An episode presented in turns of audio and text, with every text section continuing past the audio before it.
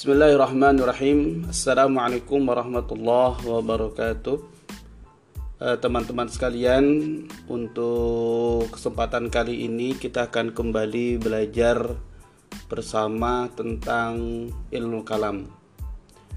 Eh, perlu kami sampaikan terlebih dahulu bahwa kita sudah menetapkan satu buku utama yang kita pelajari pada mata kuliah ini yaitu buku yang berjudul Nas'atul Firaq wa Tafarruquha ya, Nas'atul Firaq wa Tafarruquha uh, karangan Profesor Dr. Kamaluddin Nurdin Marjuni uh, guru besar bidang akidah dan filsafat di Universitas Sains Islam Malaya. Nah, ini kita banyak merujuk kepada buku ini dan buku-buku yang lain yang sejenis dengan buku ini dan buku ilmu kalam sangat banyak sekali. Oke teman-teman sekalian untuk kesempatan kali ini kita akan masuk ke judul-judul yang baru ya setelah sebelumnya kita mempelajari tentang beberapa penyebab e, munculnya ilmu kalam baik itu secara internal atau eksternal kemudian definisi ilmu kalam menurut para ulama kemudian juga bagaimana hukum mempelajari ilmu kalam ya sebagaimana kita ketahui di sana ada dua dua hukum atau ada dua pendapat yaitu pendapat yang membolehkan dan pendapat yang melarang. Kemudian juga bagaimana posisi eh, para ulama dari Al-Quran dan hadis itu ya. Kemudian juga bagaimana posisi para ulama daripada wahyu dan akal. Nah, untuk selanjutnya teman-teman sekalian, kita akan masuk ke judul ke pembahasan yang kedua yaitu tentang uh, Syiah Zaidiyah. Nah, kenapa kita membahas Syiah, Syiah Zaidiyah terlebih dahulu? Uh, sebagaimana yang pernah kita sampaikan bahwa dalam sejarahnya ya Syiah ini muncul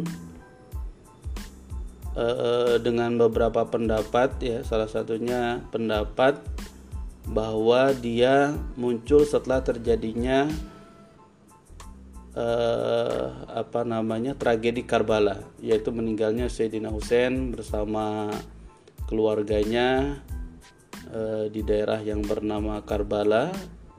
Kon katanya Karbala ini berasal dari kata karbun wal bala. Ya, karbon itu debu bala jadi debu yang yang penuh dengan bala atau cobaan ujian. Ya setelah itu setelah Sayyidina Husain meninggal masih ada salah satu putranya yang bernama Ali Zainul Abidin. Nah beliau masih hidup dan pada waktu itu beliau uh, masih sangat kecil sekali itu dan Sayyidina Ali Zainal Abidin ini memiliki anak yang bernama Zaid. Ah, Zaid bin Ali bin Hussein bin Ali bin uh, Abi Talib. Nah kita mempelajari Syiah Zaidiyah karena uh, Syiah Zaidiyah ini termasuk salah satu Syiah, Syiah yang paling pertama ya Nah, itu termasuk salah satu Syiah yang paling pertama. Nah, kalau kita lihat dalam beberapa pembagian Syiah secara umum, nah, ini terbagi secara umum Syiah terbagi menjadi tiga, ada Zaidiyah, kemudian ada Imamiyah, kemudian ada Ismailiyah. Ya. Imamiyah itu disebut dengan Isna Asyar, Imaman, kemudian Ismailiyah itu disebut dengan Batiniyah. Nah, dan Imamiyah dan juga Ismailiyah ini termasuk ke dalam Syiah Rafidah. Sebanyakan ulama menyimpulkan demikian.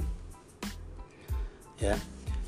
Nah, beberapa ulama dalam sejarahnya menyebutkan bahwa Syiah Zaidiyah ini muncul ketika Imam Zaid bin Ali ya melakukan perlawanan kepada Bani Umayyah.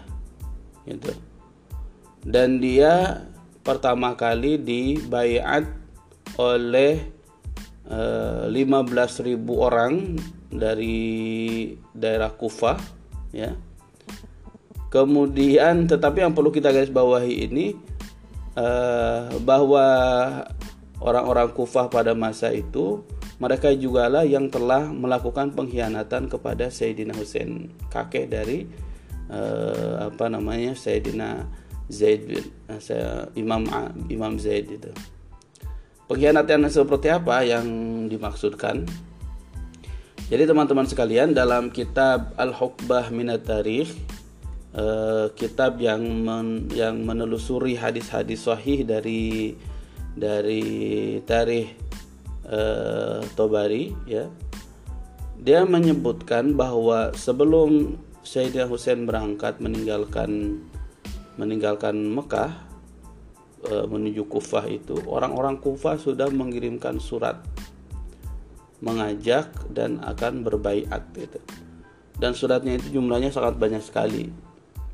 Dalam beberapa riwayat disebutkan sampai 500 surat gitu yang yang dikirim kepada Sayyidina Husain supaya beliau mau e, berangkat ke Kufah dan melakukan perlawanan kepada Bani Umayyah. Ya. Dan ternyata dalam beberapa riwayat juga disebutkan bahwa para sahabat yang masih hidup pada masa itu ataupun juga sigar sahabah ya itu kebanyakan mereka menentang atau menasihati Sayyidina Husain supaya tidak berangkat menuju Kufah ya. karena mereka melihat bahwa orang Kufah ini banyak yang uh, tadi berkhianat tidak amanah dan mengingkari janji yang telah mereka uh, sampaikan itu Kemudian perlu diketahui bersama juga bahwa tragedi Karbala ini terjadi ya beberapa tahun setelah eh, apa yang disebut dengan Amul Jamaah atau tahun persatuan. Jadi setelah Sayyidina Ali meninggal, kemudian kekhilafahan dilanjutkan oleh Sayyidina Hasan selama kurang lebih enam bulan. Setelah itu Sayyidina Hasan tanazala minal khilafah. Turun apa namanya dari kekhalifahan. Ya jadi beliau mengundurkan diri kemudian menyerahkan kekhalifahan itu kepada Sayyidina Muawiyah bin Abi Sofyan itu. Ya dan di situlah terjadi yang disebut dengan amul jamaah jadi persatuan umat Islam setelah terjadinya fitnah di zaman Sayyidina uh, Utsman dan Sayyidina Ali bin Abi Thalib nah dan perlu kita ketahui bersama bahwa kekhilafahan Sayyidina Muawiyah itu berjalan cukup lama itu, puluhan tahun. Ya. Ada beberapa tahun lah gitu yang dilakukan apa namanya beliau menjadi khalifah itu sampai akhirnya beliau meninggal kemudian kekhilafahan diteruskan oleh putranya yaitu eh, apa namanya eh, Eh, Yazid bin Muawiyah ya diteruskan oleh putranya Yazid bin Muawiyah. Nah, pada masa inilah muncul kembali ajakan-ajakan untuk melakukan perlawanan kepada pemerintah. Nah, jadi yang membayat Sayyidina uh, Husain adalah orang-orang Kufah. Kemudian yang membayat Sayyidina uh, Zaid atau Imam Zaid juga orang-orang Kufah. Nah, ini jumlahnya mereka 15 ribu.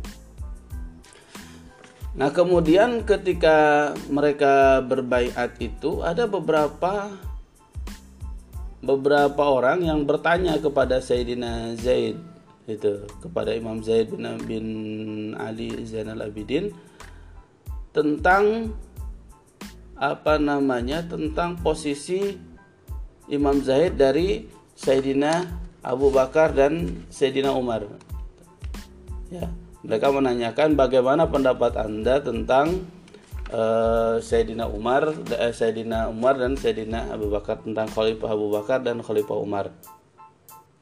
Kemudian Imam Zaid mengatakan ya ya uh, jadi apa namanya orang-orang Kufah itu menanyakan kepada Imam Zaid dengan sebuah ungkapan innana nansuruka ala a'daika ba'da an tukhbirana bi ra'yika fi Abi Bakrin wa Umar alladhani zalama jaddaka Ali ibni Abi Thalib. Nah, ini pertanyaannya eh, apa namanya secara garis besar kami akan menolong Anda untuk melawan musuh Anda. Itu.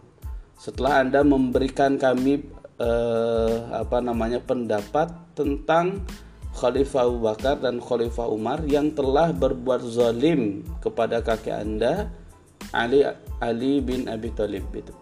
Nah, ini pertanyaan tentang kata-kata zalim, tentang kata-kata gosob ya kepada kepada khalifah-khalifah ini merupakan salah satu ciri dari Syiah.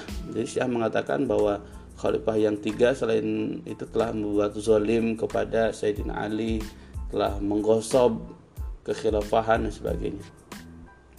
Nah, bagaimana jawaban dari Sayyidina Ali? Sayyidina uh, mohon maaf, bagaimana jawaban dari Imam Zaid? Imam Zaid mengatakan, "Inilah aku lufiha illa khair." Aku tidak mengatakan kepada mereka kecuali kebaikan. Wa ma sami'tu abi yaqulu fi ma illa khair dan aku tidak pernah mendengar perkataan ayahku tentang mereka berdua kecuali tentang kebaikan. Wa inna ma kharajtu ala bani Umayyah alladziina qatalu jaddi Husain. Ya.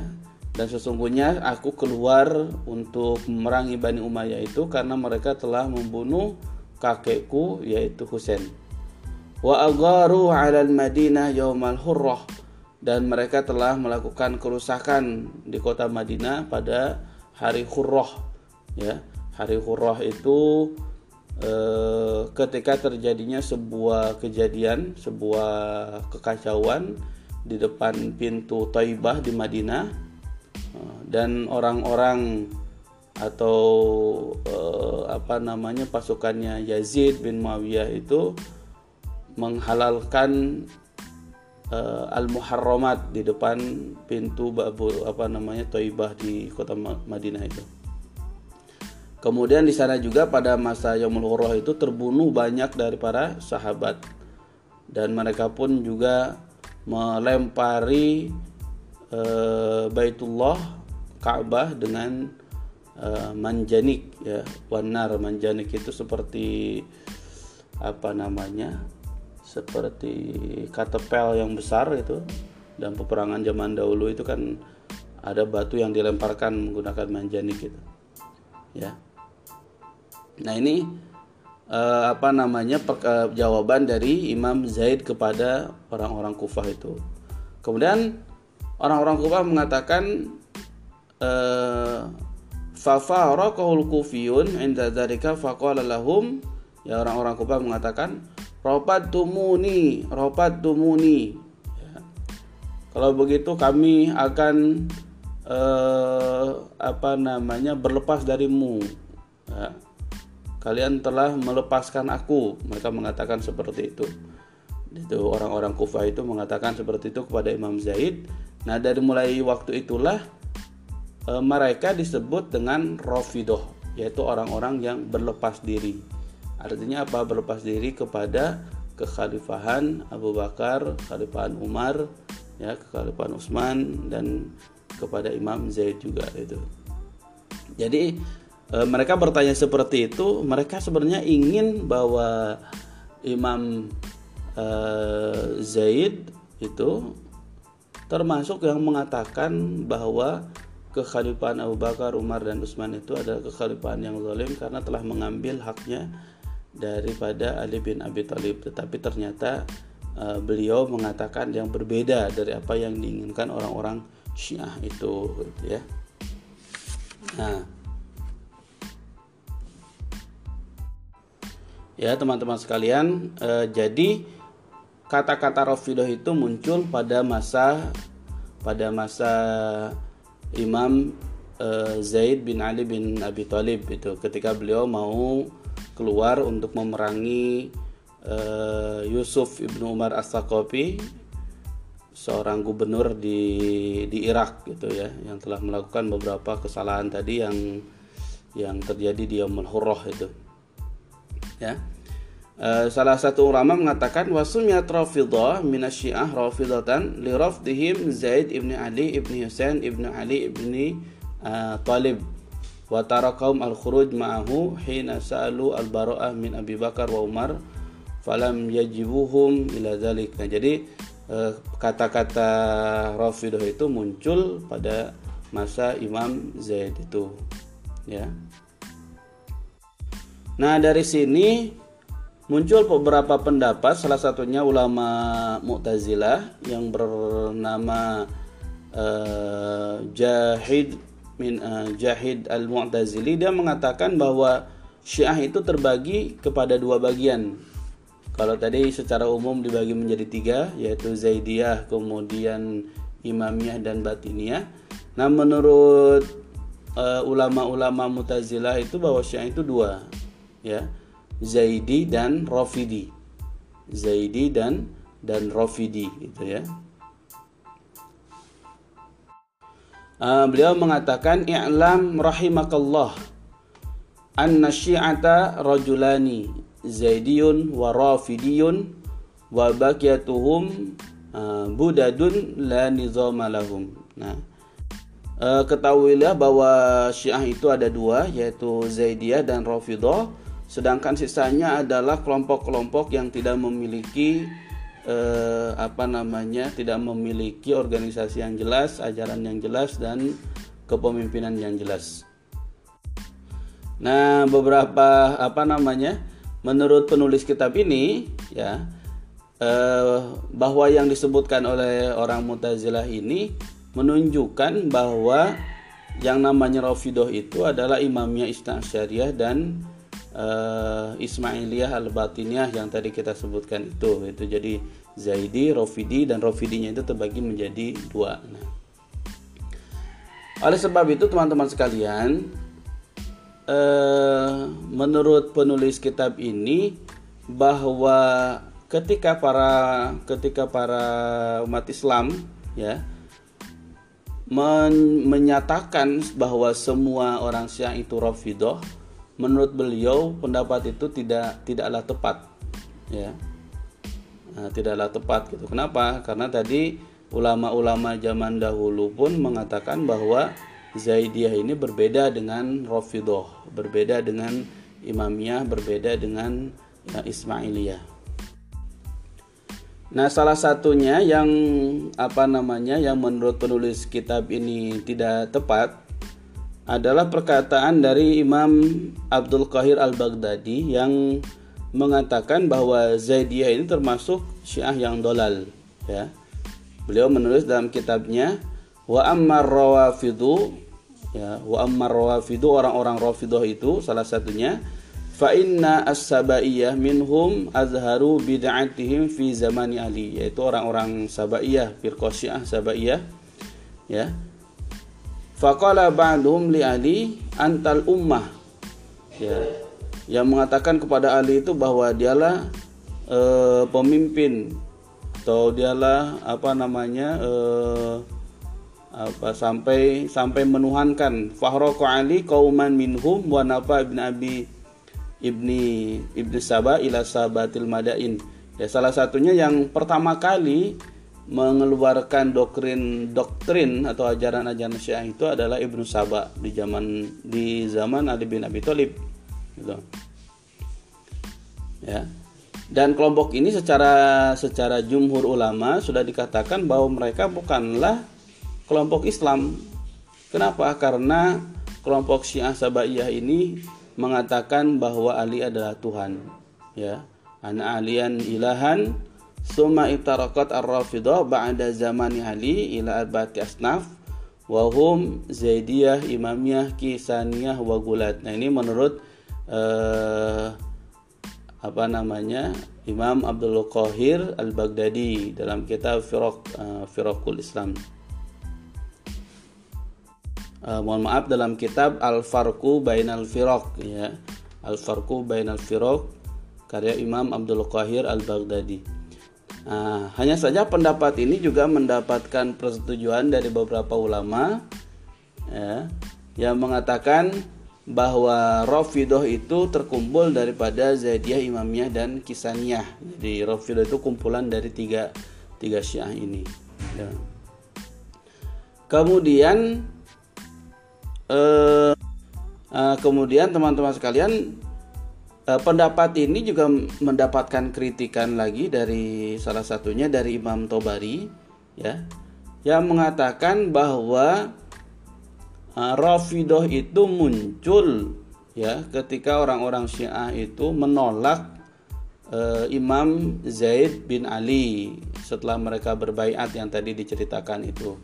Dan dan Rafidah ini merupakan nama lain daripada Imamiyah Isna Asyariyah yang mana mereka itu jumlahnya sangat banyak ya. Jadi firqahnya itu sangat banyak. Dalam beberapa buku disebutkan sampai terbagi menjadi 40 kelompok ya nama-namanya berganti-ganti. Kemudian pada saat ini juga ada dua kelompok besar dan dalam Syiah Imamiyah itu ada yang disebut dengan usuliyah dan ada juga yang disebut dengan apa namanya eh, ya dengan akhbari jadi yang sekarang yang muncul itu di di Syiah uh, Imamiyah atau Rafidhah itu adalah kelompok usuli dan akhbari dan ini pertentangannya cukup cukup besar juga itu. Nah, kemudian teman-teman sekalian uh, ada sebagian ulama yang berpendapat bahwa Zaidiyah ini bukan kelompok Syiah tetapi dia adalah salah satu sekte dari uh, kelompok Mu'tazilah itu. Kenapa mengatakan demikian? Karena mereka mengaitkan antara Zaidiyah dengan apa namanya? Ya mereka mengatakan demikian karena menurut mereka pemikiran i'tizali itu keluar dari eh, apa namanya dari Imam Zaid dari Imam Zaid ini ya. Nah, ini perlu diluruskan bersama karena sebenarnya salah satu pendiri dari Mu'tazilah yaitu Wasil bin Atha dia dikatakan belajar kepada uh, kepada Imam Zaid itu tidak tidak tepat ya, tetapi belajarnya kepada para Alawiyin atau kepada keturunan Ali bin Abi Thalib itu. Jadi dalam sejarahnya disebutkan bahwa Wasil bin Atha ta'allama ala yadi Abi Hashim Abdullah ibnu Muhammad ibnu Hanafiyah. Ini ibnu Hanafiyah ini salah satu uh, putra dari uh, Imam Ali bin Abi Thalib. Nah ini apa namanya pendapat lain daripada orang-orang Mu'tazilah ya. Hanya saja memang yang perlu kita pahami bersama bahwa Zaidiyah ini uh, sebagian ulama mengatakan bahwa mereka berada dalam posisi apa namanya pertengahan. Mereka tidak gulat dan mereka tidak mengkafirkan sahabat ya nah teman-teman sekalian tetapi yang perlu kita jelaskan di sini bahwa apa yang disampaikan oleh para Mu'tazili, orang-orang Mu'tazili yang mengatakan Zaidiyah ini Mu'tazilah dan bukan dari apa namanya bukan bukan termasuk Syiah ini perlu juga dikritisi gitu.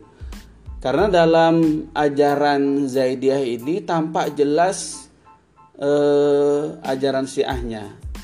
Ya.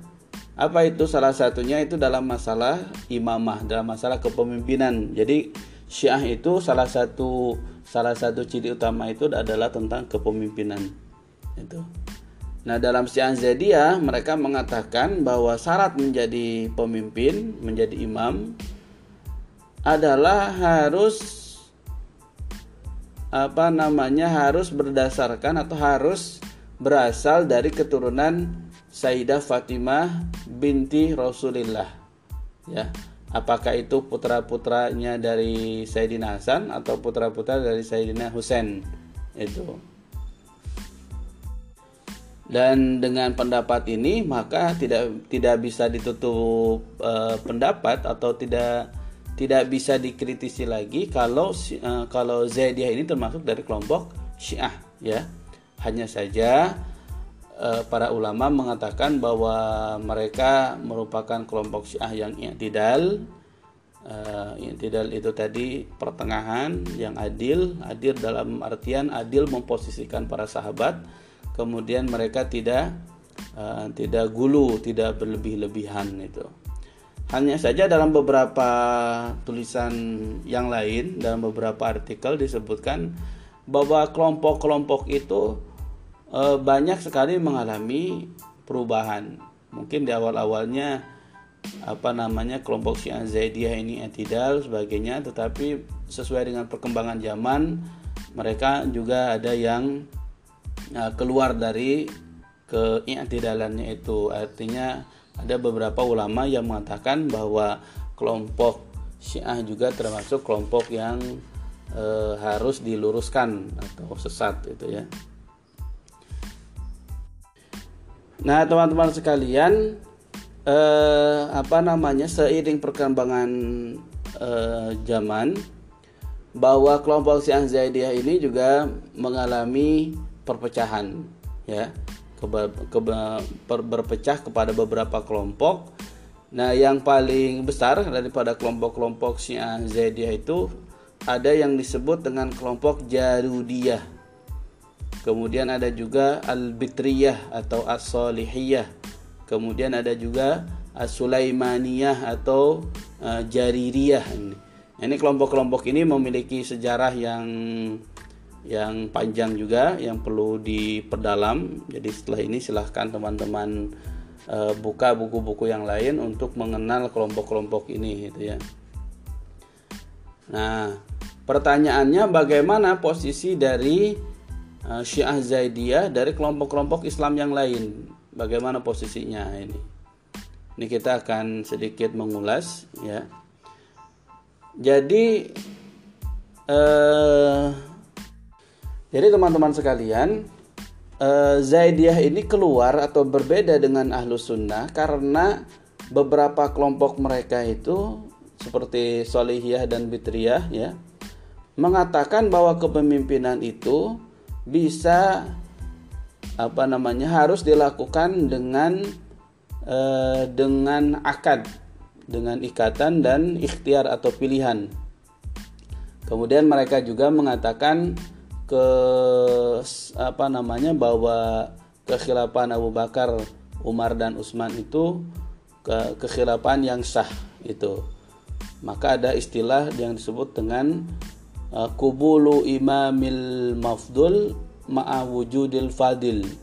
Kubulu imamatil mafdul ma'a wujudil fadil.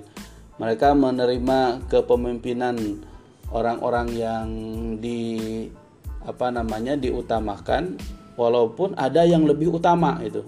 Nah, seperti Abu Bakar dan Umar Utsman ini diutamakan oleh para sahabat yang lain, tetapi yang lebih utama bagi mereka adalah Ali bin Abi Thalib itu. Nah, menurut beberapa pendapat bahwa Syiah Zaidiyah ini pada awal permulaannya mereka termasuk dari kelompok yang yang ini yang berada dalam barisan salafus saleh itu. Mereka berker, berpegang teguh kepada Al-Qur'an, berpegang teguh kepada sunnah Rasulullah dan sebagainya.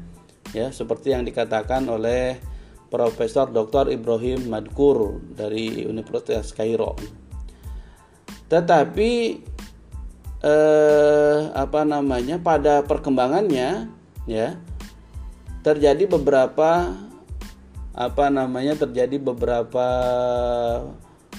eh, ya tetapi dalam perkembangannya eh, Syiah Zaidiyah ini dekat dengan uh, pemikiran Mu'tazilah sehingga ketika mereka dekat dengan pemikiran Mu'tazilah secara otomatis mereka telah terpisah daripada Ahlussunnah wal Jamaah. Nah, dalam apa saja mereka ber apa namanya ber uh, apa namanya mereka terpengaruh dengan pemikiran Syiah Zaidiyah eh, Syiah dengan pemikiran Mu'tazilah itu ya salah satunya adalah salah satunya adalah karena menurut para ulama bahwa Imam uh, Zainal Abidin ini berguru kepada Wasil ibni Atta. Ya. Nah kemudian karena dia berguru kepada Wasil ibni Atta, di mana Wasil ibni Atta ini adalah pendiri Mu'tazilah, maka para pengikut Imam Zaid itu banyak yang berpikiran i'tizali sampai beberapa kurun waktu yang lumayan lama itu. Kemudian yang kedua yang membedakan Zaidiyah dengan Ahlussunnah wal Jamaah itu adalah tentang pemikiran imamahnya yang tadi sudah disampaikan ya bahwa mereka memiliki pandangan yang disebut dengan nadhariyatul qaul bi afdaliyati Ali ibni Abi Talib ya, atau kubulu imamil mafdul ma'a wujudil fadil itu. Nah, ini yang menyebabkan Syiah Zaidiyah ini berbeda dengan uh, Ahlus Sunnah wal Jamaah. Jadi mungkin pada awalnya mereka itu masih dalam dalam koridor atau dalam apa namanya dalam e, pemikiran yang sama dengan alusunnah wal jamaah berpegang teguh kepada Al-Quran kepada hadis kemudian juga menggunakan manhaj salafus saleh ya tetapi seiring perkembangannya kemudian berubah menjadi berpikiran dengan pemikiran Mu'tazilah. Kemudian mereka mengeluarkan doktrin yang yang baru. Salah satunya tadi kubulu imamil mafdul mawujudul fadil itu. Jadi tetap di sini posisinya dalam doktrin ini Ali bin Abi Thalib lebih utama gitu. Tetapi mereka tidak sampai mengatakan bahwa Sayyidina Abu Bakar Umar Utsman telah melakukan telah menggosok atau telah apa namanya telah mengambil eh, kekhilafahan ke sebagaimana yang dikatakan oleh syiah-syiah yang lainnya gitu. Nah, ini teman-teman sekalian sedikit pembahasan kita tentang Syiah Zaidiyah. Kita langsung masuk ke Syiah Zaidiyah. Kita tidak membahas Syiah terlebih dahulu secara umum karena kita anggap pembahasan tentang Syiah ini sudah cukup banyak diketahui ya. Walaupun memang pengetahuannya masih eh, katakanlah masih bersifat umum. Nah, ini kita perdalam sedikit demi sedikit. Dan setelah ini saya harap teman-teman sekalian ada ada feedback, ada apa namanya balasan dalam artian pertanyaan ya bisa langsung ditanyakan melalui WhatsApp atau melalui email. Kemudian setelah ini teman-teman silahkan membaca buku-buku tentang Ibnu Kalam, tentang Syiah Zaidiyah untuk lebih memperdalam lagi. Karena apa yang kami sampaikan ini hanya testernya saja hanya perkenalan ya. Selanjutnya untuk memperdalam melalui diskusi dan melalui bacaan serta tugas yang uh, akan kita berikan akan kita berikan baik teman-teman sekalian mungkin ini saja yang bisa disampaikan uh, kurang dan lebihnya kami mohon maaf semoga bermanfaat Selamat belajar dari rumah masing-masing. Ya, selamat bekerja dari rumah masing-masing. Semoga apa yang kita lakukan ini memberikan keberkahan dan manfaat dan semoga uh, musibah yang sedang melanda kita ini segera berakhir dan kita sambut bulan suci Ramadan dengan penuh kegembiraan. Wassalamualaikum warahmatullahi wabarakatuh.